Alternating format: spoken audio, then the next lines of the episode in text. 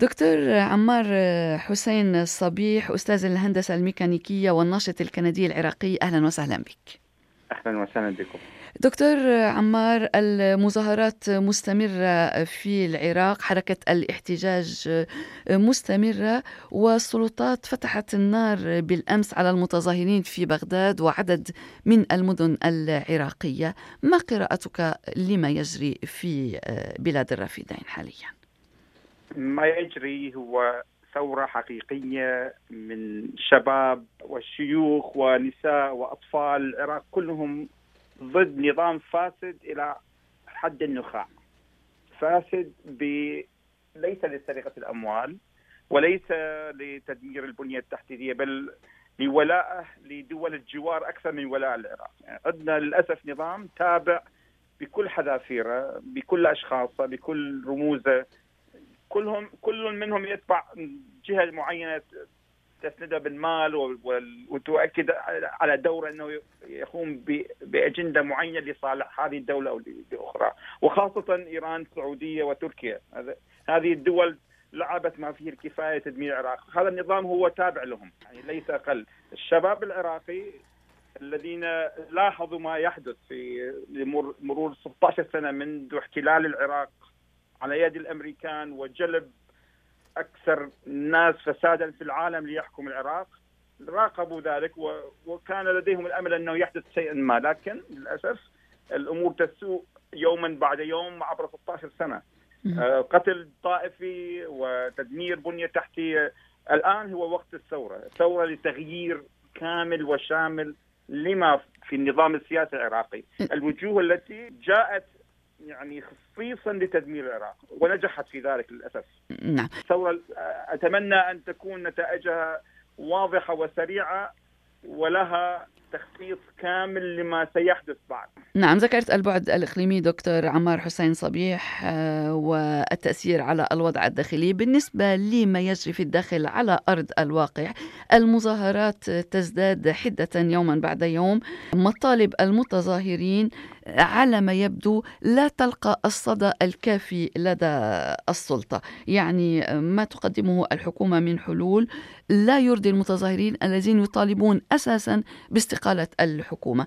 أين تتجه الأمور في ظل هذه الأوضاع؟ الحكومة تتخبط بشكل كبير لأن أي تغيير سيحدث معناها نهاية فساد الأحزاب والسياسيين العراقيين منتفعين به إلى يعني قدر كبير.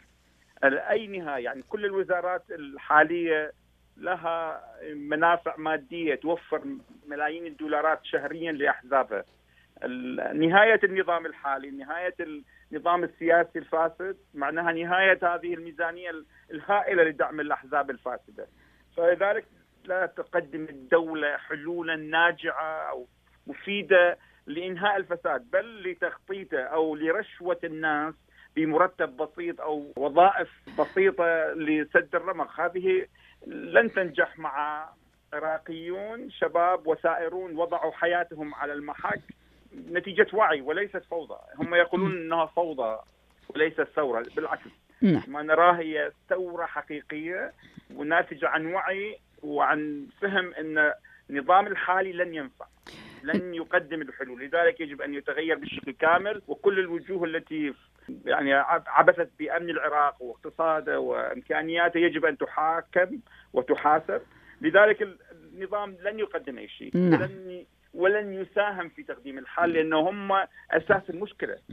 النظام الحالي هو أساس كل المصائب التي حلت في العراق. نعم ذكرت الموازنة دكتور عمار حسين الصبيح والحكومة في صدد الإعداد لموازنة العام 2020 وكما تفضلت كانت هناك محاولات من الحكومة لاحتواء الاحتجاجات من خلال خلق العديد من الوظائف ولكن ذلك يعني لم يؤدي النتيجة التي كانت ترجوها الحكومة هنا أيضا يعني الوضع في أزمة على هذا الصعيد أيضا؟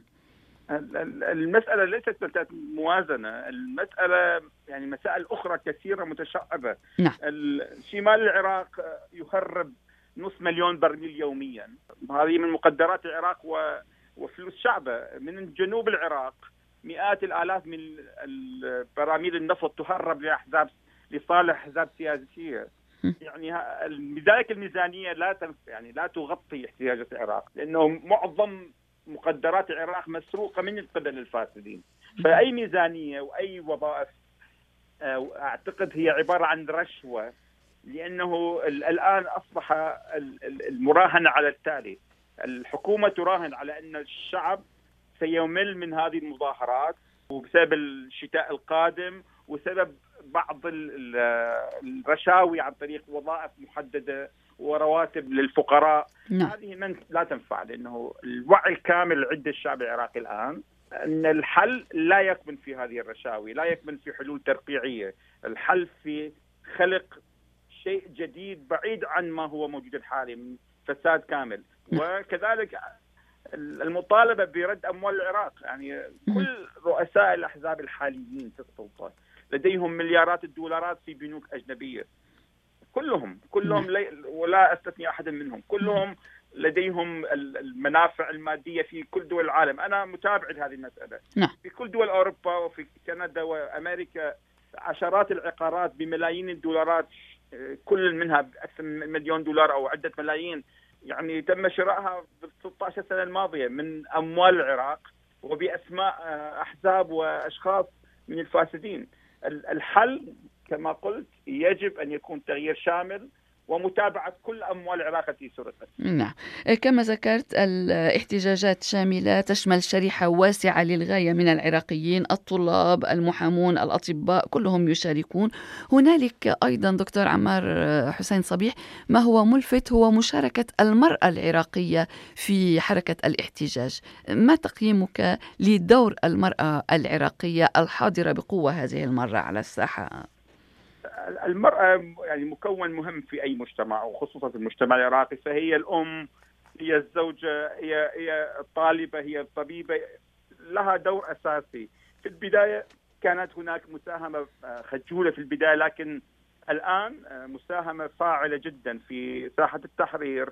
هناك كثير من الطبيبات والمسعفات والمتظاهرات آه، اللواتي قاما بإسناد إخوانهم الرجال في إتمام هذه المظاهرات وإنجاحها. النساء أنا اليوم شاهدت أم جالسة في ساحه التحرير بعد أن استشهد ابنها الوحيد، تقول لن أذهب لأنه أنا ابني مات واستشهد من أجل الوطن، سأكون في ساحة التحرير حتى يتم التغيير، هذه الأم العراقية. الامرأة العراقية بكل أعمارها من من المدارس إلى الإعدادية المتوسطة إلى الجامعات إلى وظائف. أصبحوا الآن الداعم الحقيقي للمظاهرة، هي عنصر مهم للتغيير وأعتقد إن شاء الله التغيير قادم لأنه من قراءتنا للتاريخ عندما كل شرائح المجتمع يجتمعون بنساء ورجال وأطفال وعجائز في مظاهرة ويتم إسنادها من الطلاب والاتحادات المهنية هذه بداية النهاية لنظام الحالي في العراق. إن شاء الله إن شاء الله يتم ذلك عن قرب عن قريب إن شاء الله. دكتور عمار حسين صبيح أستاذ هندسة الميكانيك والناشط الكندي العراقي شكرا لك لهذا الحديث. أهلا وسهلا بكم.